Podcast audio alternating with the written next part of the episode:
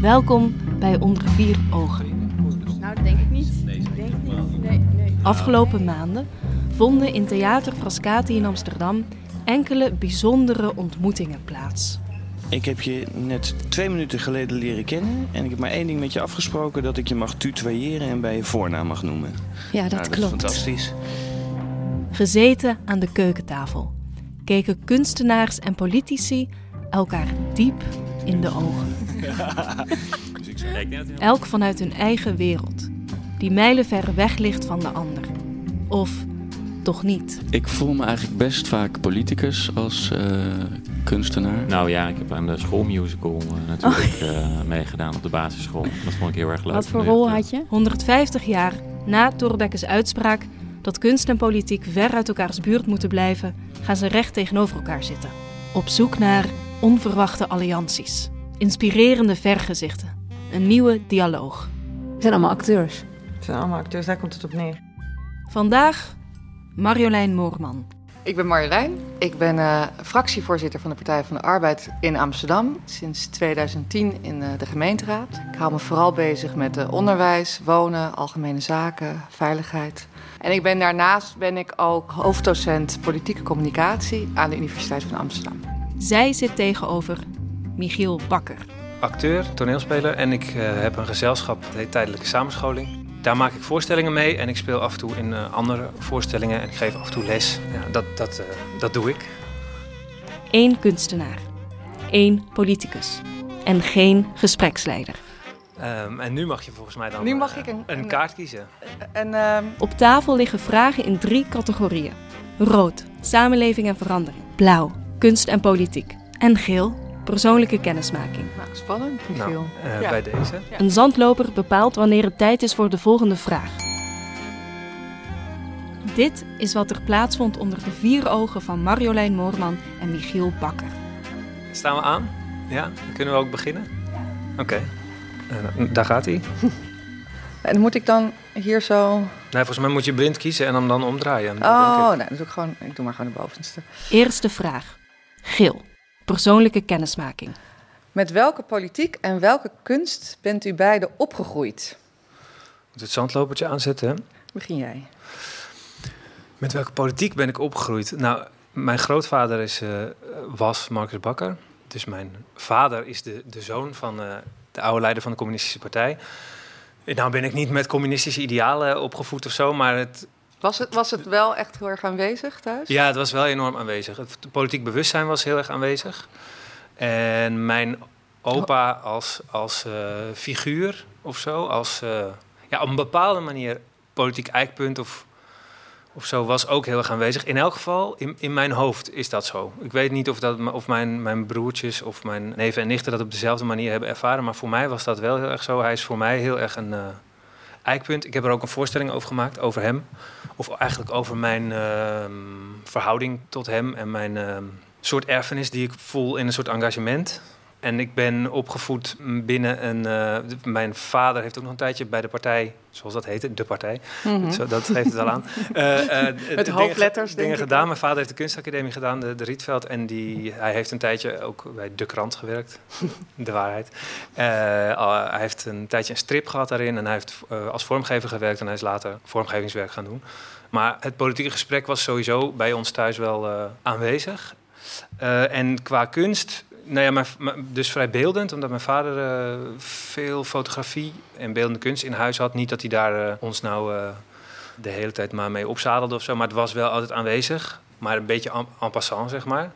En politiek Ja, ook maar je bent wel. ook acteur geworden, dus Ja, dat is toch ook ja. kunst? Ja, zeker. Maar dat speelde niet. Ik, ik, wij gingen niet veel naar voorstellingen. Ik, ben, ik ging wel eens, mijn moeder nam me wel eens mee naar voorstellingen. Maar ook niet heel vaak. Nou is het wel zo dat, mijn, dat ik twee neven heb die ook muzikant en toneelspeler zijn geworden. En mijn broertje is ook nog een jaar naar de toneelschool geweest. Dus ergens zal er wel... eh, Talent is wel ergens wakker gekust. ja, of misschien zijn we er juist enorm mee geïndoctrineerd zonder dat ik dat zelf door had. Hè. Dat kan ook kunnen.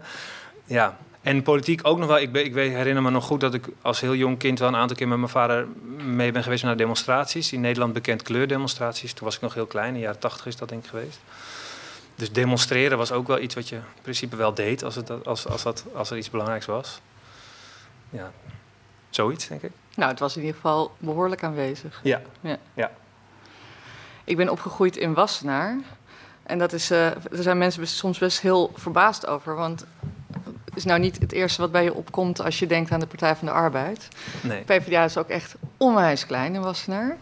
Uh, destijds was de VVD uh, by far de grootste partij. Die haalde geloof ik 80% van de stemmen. Um, maar mijn ouders waren zelf uh, echte PvdA'ers, geen lid. Mijn, mijn oma wel, die was echt in 1946 lid geworden. gewoon overgestapt vanuit de SDAP. Mm -hmm. um, maar ik was er wel al heel jong, jong van bewust dat wij thuis anders waren dan mijn vriendjes en vriendinnetjes. We hadden echt heel klassiek Vara-gids, Rode Haan op, op mm. zaterdag stond aan. En bij mijn vriendjes en vriendinnetjes zag ik dat helemaal niet. Dus dat, ik weet nog dat ik een jaar of acht was of zo. Er waren de eerste uh, verkiezingen die ik echt bewust meemaakte. En dat ik echt met mijn vriendje Merlijn op het schoolplein heel hard PvdA stond te roepen. en, en, en al die kinderen om mij heen, VVD. Nee, het kwam ook niet verder dan dat. We hadden natuurlijk geen standpunten uit te wisselen, behalve dat we wisten dat het anders was. Ik heb later nog wel eens aan Merlijn gevraagd, herinner je dat ook? En zei ja, het werd zelfs vechten. Dus het was, het was echt wel vrij dat serieus. Jij, dat wist niet meer. Maar ik voelde toen wel, oh, ik ben heel erg in de minderheid. Dus ik moet me wel uh, in verdiepen waarom, waarom mijn ouders dat dan doen. Dus ik denk dat dat voor mij best wel. En heb je dat toen ook heeft. al gedaan, toen zo jong? Iedereen verdiepen? Ja, ja. En dat kwam ook wel heel erg door mijn ouders. Mijn, mijn vader was, werkte bij het ministerie van Financiën en maakte daar de rijksbegroting. En die vond het heel erg belangrijk dat wij uh, ons politiek bewust waren. Dus ik kan me echt nog herinneren dat wij op een gegeven moment overhoord werden. En ik kan niet ouder zijn geweest dan een jaar of tien. Wat de ministers waren in het kabinet. en dat ging niet heel hard, maar hij zei echt, nee, moesten we gewoon. En toen heb ik ook wel mezelf voorgenomen, dat hoor je gewoon te weten. Je moet gewoon weten hoe, hoe de regering is samengesteld. Uh, uh, nou, wie de ministers zijn, omdat zij uiteindelijk wel bepalen hoe het gaat met het land. Heb je dat ook volgehouden steeds toen in je jeugd, dat je altijd ja, wist? ik heb altijd wel geweten. Ik ben pas in 2001 ben ik uh, lid geworden van de PvdA, dus het was uh, Fortuinrevolutie. Er is altijd PvdA gestemd, ik ben nog nooit vreemd gegaan. Um, en altijd gestemd. Uh, maar toen wist ik wel van, nou, nu breekt er een nieuwe tijd aan. Zo voelde het echt voor mij. Een nieuwe tijd met een enorme maatschappelijke verandering die ik heel ongewenst vond. Uh, het moet maar eens gezegd kunnen worden, maar daardoor kwamen er ook allemaal hele lelijke dingen werden mm -hmm. uh, gezegd. En toen heb ik heel bewust gekozen om lid te worden van de PvdA. Tijdens die, tijdens die campagneperiode? Ja, 2001. En pas uh, in 2010 ben ik dus echt actief geworden door in de gemeenteraad te gaan. Maar ik, ik denk, dat, ja, ik denk dat er wel echt een rechtstreeks lijntje te maken valt met, met mijn eigen jeugd. Juist omdat ik dus in zo'n dorp opgroeide waar het heel anders was. Dan wil ik toch nog eventjes ook weten wat voor rol... Kunst. Kijk, met welke kunst jij bent opgegroeid. Uh, nou, uh, mijn moeder uh, was heel erg gericht op kunst. Die hield zelf heel erg van, uh, van schilderen en tekenen. En nam ons ook vaak mee naar musea, naar theater heel veel. Ik heb zelf heel veel, veel toneel gespeeld uh, tijdens mijn puberteit. Ik wilde eigenlijk niets liever dan naar de toneelschool. Dus ik ben eigenlijk ontzettend jaloers op jou. En waarom heb je dat niet gedaan dan? Nou, ik, ah, ik kan echt totaal niet zingen. Ik, echt, echt gewoon niet. Ik heb het ook wel eens geprobeerd. Dus dat, is, dat handicapt je al uh, behoorlijk dan. Uh, en ik denk dat ik ook gewoon helemaal niet zo talentvol was. Heb je het wel geprobeerd, auditie? Nou, ik heb dus heel veel... Nee, nee, ik heb heel veel amateurtoneel gespeeld. En daar altijd ontzettend van genoten. Uh, en ik kreeg dan heus wel eens van mensen te horen dat ik dat goed had gedaan, maar nooit op zo'n manier dat, dat mensen zeiden: jij moet echt naar de toneelschool. Dus nee, dat is nooit tegen je Dan maar de politiek. Oh, ja. Dat is gewoon okay. misschien het theater van een beetje maar je bent, gemankeerde acteurs. Je bent eerst de, je bent eerst de wetenschap uh, uh, ingegaan, als je dat zo kan zeggen, toch? Ja, zeker. Ja, ben ik nog steeds. Ja. Um, maar ik heb communicatiewetenschap gestudeerd en ik ben uh, in 1997 uh, afgestudeerd. En toen kreeg ik de mogelijkheid om te promoveren. Uh, en dat vond ik echt geweldig, want ik was helemaal nog niet toe aan... Uh, Meteen na het afstuderen? Ja, dacht ik, ach, nou ja, probeer het gewoon. Geen idee wat ik wilde doen. En ik vond het ontzettend leuk. Ik vind wetenschap nog steeds prachtig. Mm -hmm. Dat je de tijd en de ruimte krijgt om jezelf echt ergens helemaal in te verdiepen. En de autonomie om dat te doen. Dat is echt heel bijzonder. Um, dus ik uh, heb daar heel erg van genoten dat ik die kans uh, kreeg. En nog steeds vind ik dat heel leuk. Maar ik vind het ook heel leuk dat ik het wel combineer nu met de politiek. Want alleen maar wetenschap uh, heeft voor mij te weinig te maken met de samenleving. Ja, heeft wetenschap niet te maken met de samenleving dan? Jawel, jawel, maar het staat altijd wel van een afstand. Mensen vragen wel eens aan mij: kan je, ben je nou een betere politicus omdat ik doseer in politieke communicatie? En ik denk eigenlijk dat het precies andersom is. Dus ik kan mijn studenten af en toe echt een inkijkje geven in hoe de politieke praktijk en de realiteit eruit ziet. En daarmee de theorie die er is meer uh, laden. Maar ik, ik, ik, heb nog nooit in de raadzaal gestaan dat ik dacht: hé, hey, deze politieke theorie kan ik nu even heel goed toepassen. nee, niet zo concreet misschien, maar heeft, het, heeft je natuurlijk, denk ik, je denken ook gevormd? Of voel je ja, dat niet als zo? Als wetenschapper ben je, denk ik, beschouwender. Uh, dus ik, kijk, er zijn soms uh, situaties. Nou ja, bijvoorbeeld nu. Hè, we hebben vreselijk verloren uh, op 15 maart. Een enorme historische dieptepunt voor ons. Van, negen, van 38 naar 9 zetels, 29 zetels verlies. Dat is verschrikkelijk. Ik bedoel, dat doet -hmm. echt pijn. En dan ben ik ook nog wel een beetje blij dat ik wetenschapper ben en daar ook nog wel beschouwend naar kan kijken en denk: Goh, dat is toch interessant. Ja, lukt dat dan? Doe je dat, doe je dat ja, ook? ook wel, ja, ja. En wat is er dan interessant aan? Nou ja, omdat je ziet dat er dan toch een soort maatschappelijke ontwikkeling is. En, maar ook gewoon, hoe, hoe kan zo'n. Uh, hoe, wat verklaart dat precies? Dat je zoveel zetels kwijtraakt. En ik En vind het zoeken naar dat? dat soort verklaringen. Heb je dan verklaringen? Ja, een heleboel. En als ik ze allemaal opnoem, dan gaat het zeker niet lukken met, eh, met die zandloper. En dan heb ik ze waarschijnlijk nog niet allemaal. Tijd voor een vraag uit een andere categorie. Ehm, ik pak een kaartje uit eh, kunst en politiek. Blauw, kunst en politiek. Om daar toch ook maar mee te, aan te beginnen. Ja. Eh, veel mensen vinden dat kunst, eh, vinden kunst emotioneler dan politiek. Ben je het daarmee eens? Moet ik eerst? Ja. Ga ik het proberen kort, ga ik het proberen kort te houden. Ehm, nou, goede kunst is wel echt emotioneel. Ik bedoel, ik vind dat wel de definitie van kunst. Dat het je eh, in beweging brengt. Mhm. dat je iets ziet of iets hoort. eh, wat je op andere gedachten brengt. Wat je emotioneert, wat je choqueert. Maar eh, ik vind politiek ook heel emotioneel. Ik, heel veel mensen waren ook wel verbaasd toen ik de politiek... want ik ging dus als beschouwende wetenschapper in de politiek... en toen kwam ik ook wel mezelf tegen dat ik af en toe echt heel emotioneel kan zijn, ook in de raad. Echt Bedoel je dan boos. kwaad? Oh, ja, ja. kwaad. Of eh, eh, teleurgesteld. Of, en ik, ik ben ook blij dat ik die emoties wel heb, want dat is, je, doet het niet, je doet het niet zomaar. Raad, je wordt niet rijk van raadslid zijn.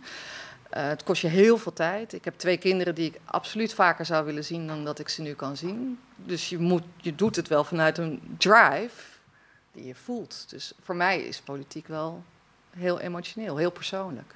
Ja, en nu jij. We hebben die zandloper niet omgezet. Ja. Het systeem Nu gaat mag jij totaal zeven in de minuten daarover. Over de emotionaliteit Ja. van kunst en politiek, ja. Eh, nou, ja, ik, ik ben best wel emotioneel over de politiek. Maar dat is misschien wel een andere, eh, andere, andere ingang. Maar ik maak me vaak heel druk en heel kwaad over de politiek. En eh, Waar maak je je dan kwaad over? ja, over... eh, ik vind dat het, dat het op een bepaald... dat het politieke debat... Maar dan, dan, gaat het, dan gaat het voornamelijk bijvoorbeeld tijdens de verkiezingen... zit ik vaak wel op, mijn lip te bijten, of op mijn tong te bijten, zeg maar. Of hoe zeg je dat? Of ik zet het vaak uit, eigenlijk gewoon. Omdat ik het niet zo goed kan aanzien. Omdat ik vind dat het debat niet... niet inspirerend is. Of niet zo, zo, zo gevoerd wordt op een, op, een, op een niveau waarop je zou willen dat dat werd gevoerd. En eh, tegelijkertijd denk ik dan altijd meteen... Ja, dan moet je het dus zelf doen. Dan moet je dus zelf... Ja, zoals dat dat dan willen? heet, de politiek in. Nou ja, daar ging die voorstelling die ik dus gemaakt heb Ja. over. Over dat ik dat altijd denk. Dat ik... Wat zou je ehm, dan anders doen dan dat er nu gebeurt? Nou ja, ik, ik eindigde die voorstelling met met de monoloog. Ehm, en ik had me voorgenomen van tevoren... Dus die voorstelling ging over mijn, mijn, mijn opa... die voor mij een soort... Ja, hoewel die van de CPN was... en van allerlei, van allerlei dingen te zeggen over de, zijn... over de, over de partijstructuur en, de, en het afdekken van Moskou af en toe. En evengoed stond is hij voor mij een soort, toch een soort moreel eikpunt. En ehm, in die voorstelling zoek ik eigenlijk naar... Ik ben toneelspeler geworden, ik maak, eh, ik maak voorstellingen. En ehm, eigenlijk denk ik heel vaak, ja, ja, dat doe je. Maar als je echt wat wil doen, dan moet je dan in de politiek gaan. En tegelijkertijd... Dus, dus eigenlijk wilde ik acteur worden en jij politicus. Ja, nou ja, ja zo. en eh, eh, ja, en ehm, alleen dat doe ik ook weer niet. Omdat ik, misschien omdat ik ook bang ben voor de teleurstelling. Omdat je van de buitenkant geredeneerd kan je, kun je heel makkelijk zeggen van... eh, ik zou willen dat het anders was, ik zou willen dat het bevlogener was. Of dat, terwijl als je in het systeem terechtkomt, weet ik niet of je dat staande kan houden. Maar wat ik graag zou willen is dat politici eigenlijk durven om soms gewoon te zeggen... ik weet het ook niet. Of eh, ik vind het ook super ingewikkeld, maar we proberen dit. Of eh, Maar, en waarom denk je dat politici dat niet... dat is niet wat je ziet. Er wordt heel veel eh, afgeschermd, zeg maar. En heel veel gezegd. eh, het is, ik vind het vrij defensief en vrij ehm, ja, weinig onderzoekend, zeg maar.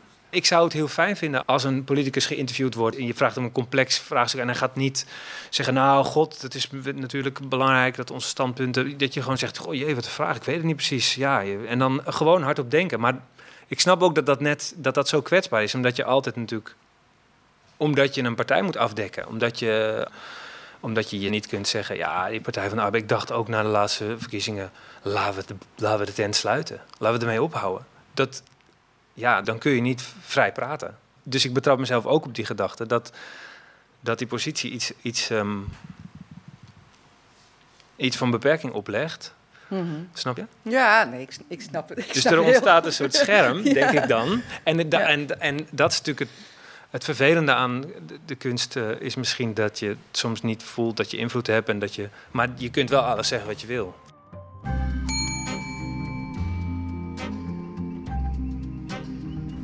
Wil jij nog een kaartje pakken? Ja, Dan gaan we die hadden we weer, nog niet. De samenleving in verandering. Rood.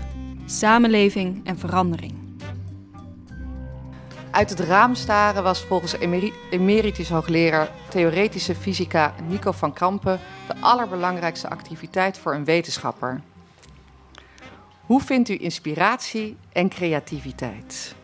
Eh, dan moet ik als eerst beantwoorden zeggen. Ik begin ook meteen eh te zeggen, dus ik ben al begonnen. Ehm, Je bent uit het raam aan het staren. Eh, Ja, eh, nou ja, uit het raam staren als in tijd, voor, tijd, om, tijd om na te denken of tijd om dingen te laten bezinken. Dat geldt wel heel erg ook voor, voor als je toneel maakt, denk ik. Dat je niet alleen maar kan repeteren of alleen maar kan doen. Of alleen maar, dus dat je tijd, tijd nodig hebt. Dat kan het is wel ook heel rep- proces, want jij moet, je- gaat een stuk maken en dat ga je repeteren en dat moet je dan aan het publiek laten zien. Dat is natuurlijk een enorm proces. Hoe, hoe begint zoiets? Want je zei net over je opa, Ja. dat je eigenlijk eerder iets anders voor ogen had dan dat het uiteindelijk is geworden. Ja, dat is wel heel vaak zo. Bij het maken van voorstellingen. dat je iets voor ogen hebt. Of tenminste, dat is mijn ervaring daarvan. Zeker als ik zelf iets maak, dat ik me vaak iets voorneem. Of een soort verlangen heb. En dat je dat dan gaat proberen. En dat er een aantal mensen zijn die dan denken dat is een goed idee. Dan wordt het heel vaak iets anders dan je eerst dacht, inderdaad. Nou wist ik bij deze voorstelling dat ik met een eh, speech wilde eindigen. Dat heb ik ook gedaan. Eigenlijk heb ik me toen voor het eerst verdiept in wie hij was als politicus. Dus ik ken hem als opa. En eigenlijk pas nadat hij... Hij is in 2009 overleden. Dus je hebt hem heel lang meegemaakt. En ook altijd veel over politiek gesproken. Maar ehm, niet over zijn politiek. Of over, dus altijd over de actuele politiek. Nou, hij was altijd heel, nog altijd heel bevlogen daarover. En hij las biografieën van iedereen. En hij was eh, enorm optimistisch altijd nog. En, maar we, we hebben nooit eigenlijk doorgenomen hoe dat... Dat is natuurlijk allemaal voor mijn tijd. De, de, hij is uit de kamer gegaan toen ik in 81, toen werd ik geboren. Dus het is gewoon letterlijk voor mijn tijd. Heb je nog wel eens oude beelden teruggekeken? Ja, toen heb ik allemaal, toen heb ik heel veel, ben ik naar beeld en geluid. Kun je, daar zijn heel veel opnamen van oude debatten en van, dus die heb ik allemaal gekeken en meegenomen. En eh, ook allemaal oude kamer, hoe heet het, dat, de verslagen Mhm. van, eh, van, de, van de debatten en zo, wat ook niet te lezen is voor een deel. Maar eh, heb ik toch geprobeerd. En, eh, want ik dacht eerst nog, ik, kan, moet, ik moet eigenlijk een speech van hem, dat had ik eigenlijk bedacht. Ik moet een speech van hem doen. En, en dan naadloos overgaan in iets van mezelf wat over nu gaat. Dat was eigenlijk het, het beeld wat ik had. Maar ja, dat, dat, speeches van toen gaat, dat is zo verweven met problematiek die we nu niet. En, en jargon wat we nu niet hanteren, dat je. Je kan er helemaal geen chocola van maken. Dus, ehm, dus dat heb ik niet gedaan.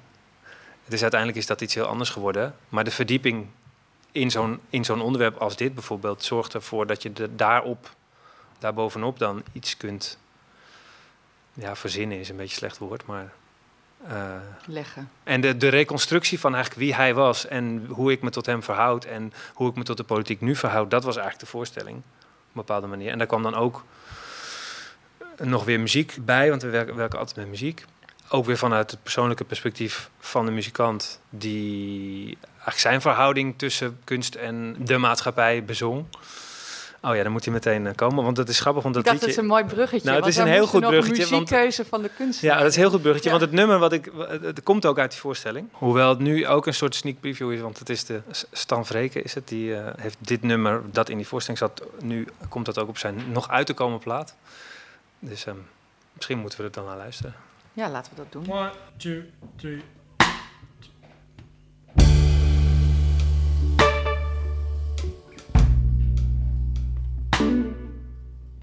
Zowel kunstenaar als politicus mogen elke muzieknummer kiezen. Michiel koos voor The Girl Next Door van Stan Vreken. Een nummer geschreven voor de voorstelling Marcus Bakker van de tijdelijke samenscholing.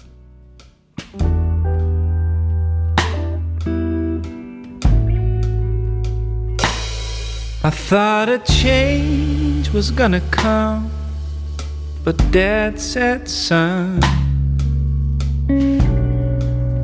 forget it. We're creatures of habit, and nothing can be done.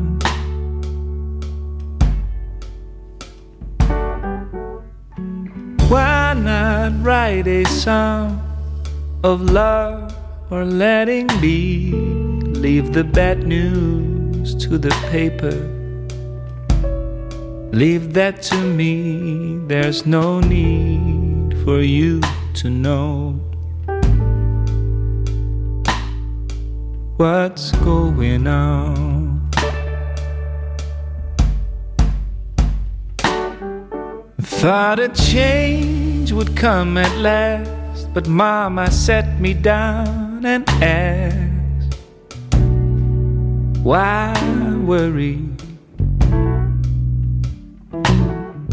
Why the hurry? Why not have some fun? Cause nothing can be done.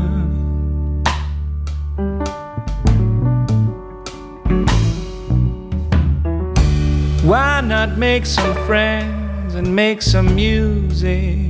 Join a band. Leave the crying to others, to other mothers in other lands where they really know what's going on.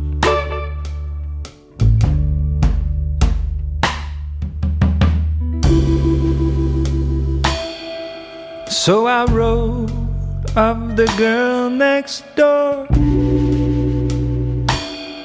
while my father wrote of one. And I cried for losing her. And a million died before I was finished. We kunnen hem wel een beetje wegdraaien. Ik hoop dat eh Stan het oké vond. Hij luistert mee. Ik vond hem prachtig. Eh, Stan heeft het geschreven toen ooit, zeg maar, het ging heel erg over dat breukvlak van persoonlijk en politiek en kunst. Eh, en daar gaat het liedje ook over. Dus een, zijn vader is journalist en buitenland, buitenland journalist. En dus hij, dat was een soort spiegel met mij.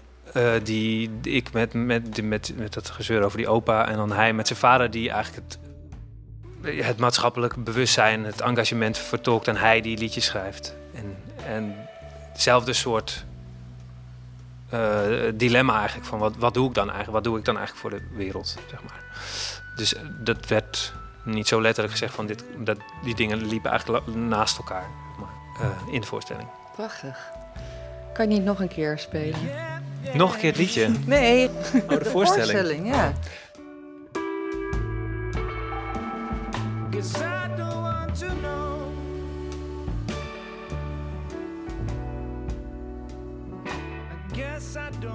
Ik ga gewoon nog zo'n kaartje pakken. En dan ga ik dat ding omdraaien. En dan doe, doe ik nog een, eh, nog een, eh, een samenleving in verandering.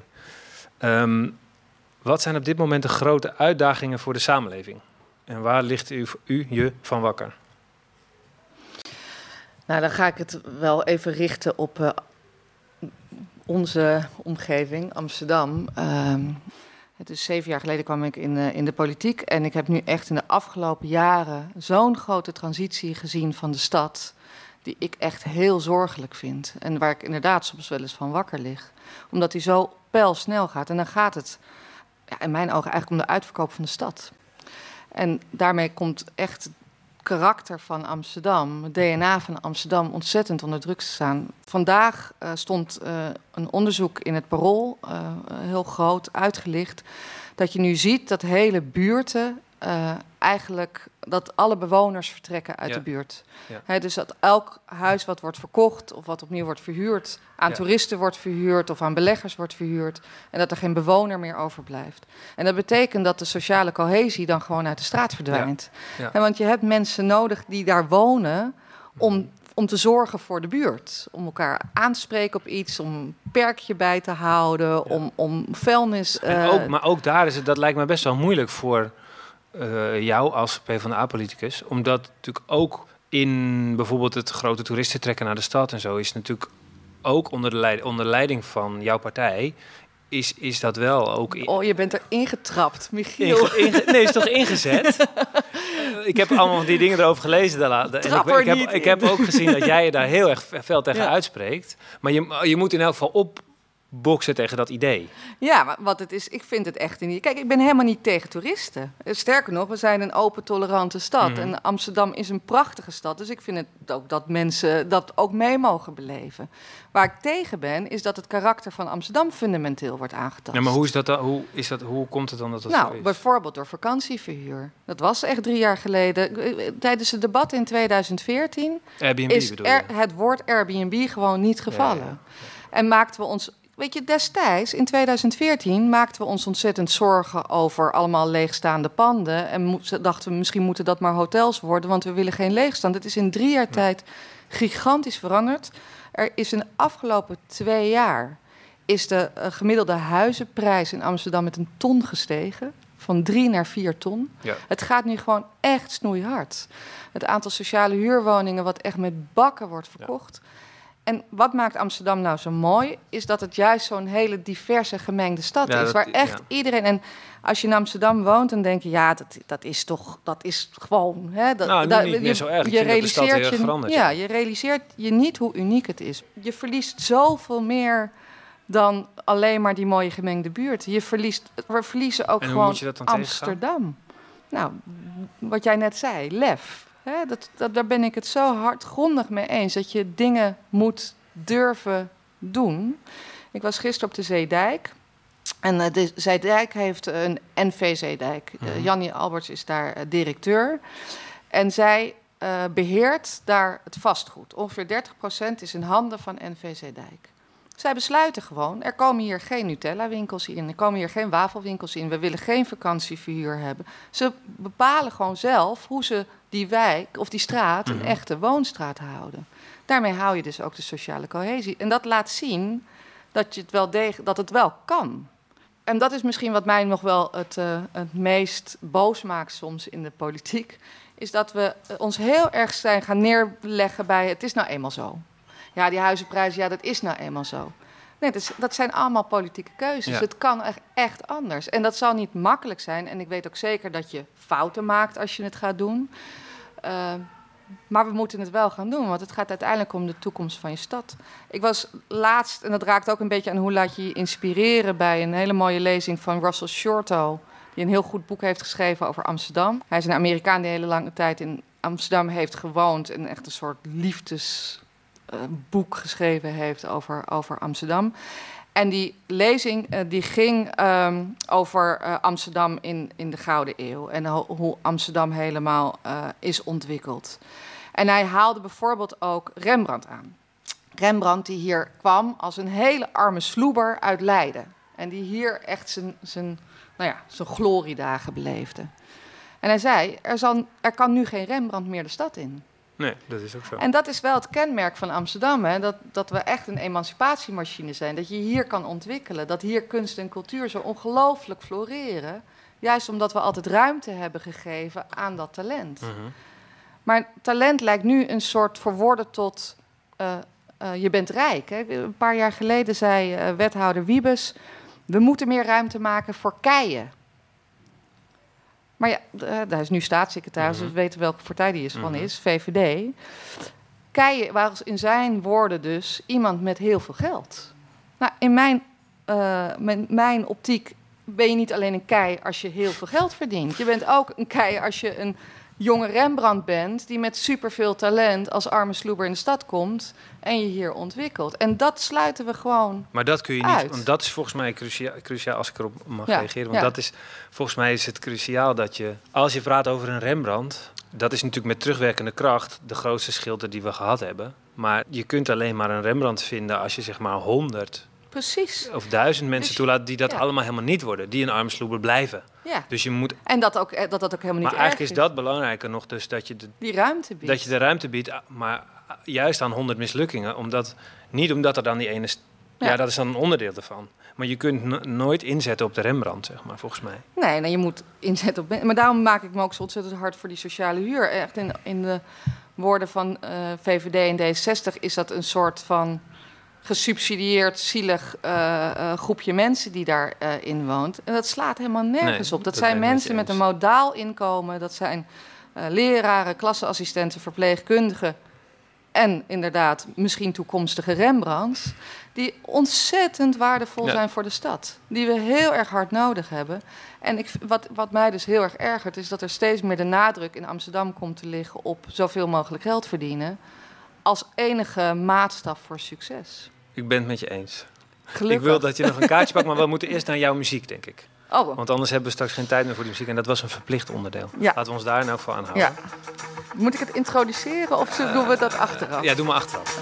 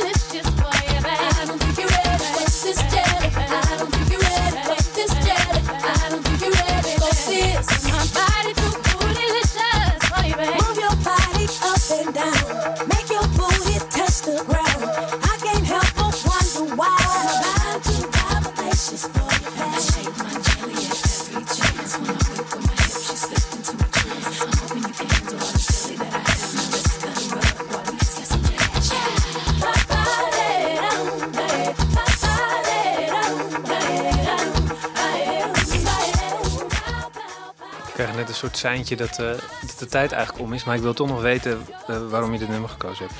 Ja, eh, Independent Woman van ehm, eh, Destiny's Child. Ehm, ik vind het sowieso echt een onmogelijk vraag. Kies één nummer. Ehm, want er komt er heel veel tegelijkertijd in mijn hoofd. Maar als ik lijsttrekker mag worden van de PvdA Amsterdam, dan word ik de eerste vrouwelijke lijsttrekker in 71 jaar van PvdA Amsterdam. Ehm, en dat is zeker niet de enige reden waarom ik het zou moeten worden. maar ik zou wel mooi vinden als een keer een vrouw de lijst gaat trekken. Het is net bekend wie bij D66 de lijst gaat trekken. Dat is uh, uh, een blanke man, net zoals inmiddels ook van GroenLinks, VVD uh, en SP bekend is. Dus ik dacht, nou ja, misschien is het dan wel toepasselijk. En bovendien was dit een van de nummers toen ik net in Amsterdam kwam wonen en me ontzettend vrij voelde in deze prachtige stad, die voor mij heel belangrijk was. Oké, nou, dat lijkt me een mooi uh, einde van dit gesprek. Ik, hoewel ik wel nog naar veel dingen benieuwd was, maar ja... Dat is, ik denk dat we het nog een keer moeten de tijdslimiet aan, dus uh, ja, we, we, gaan het nu uh, toch mee ophouden. Ja. Dankjewel. Jij ook bedankt, Michiel.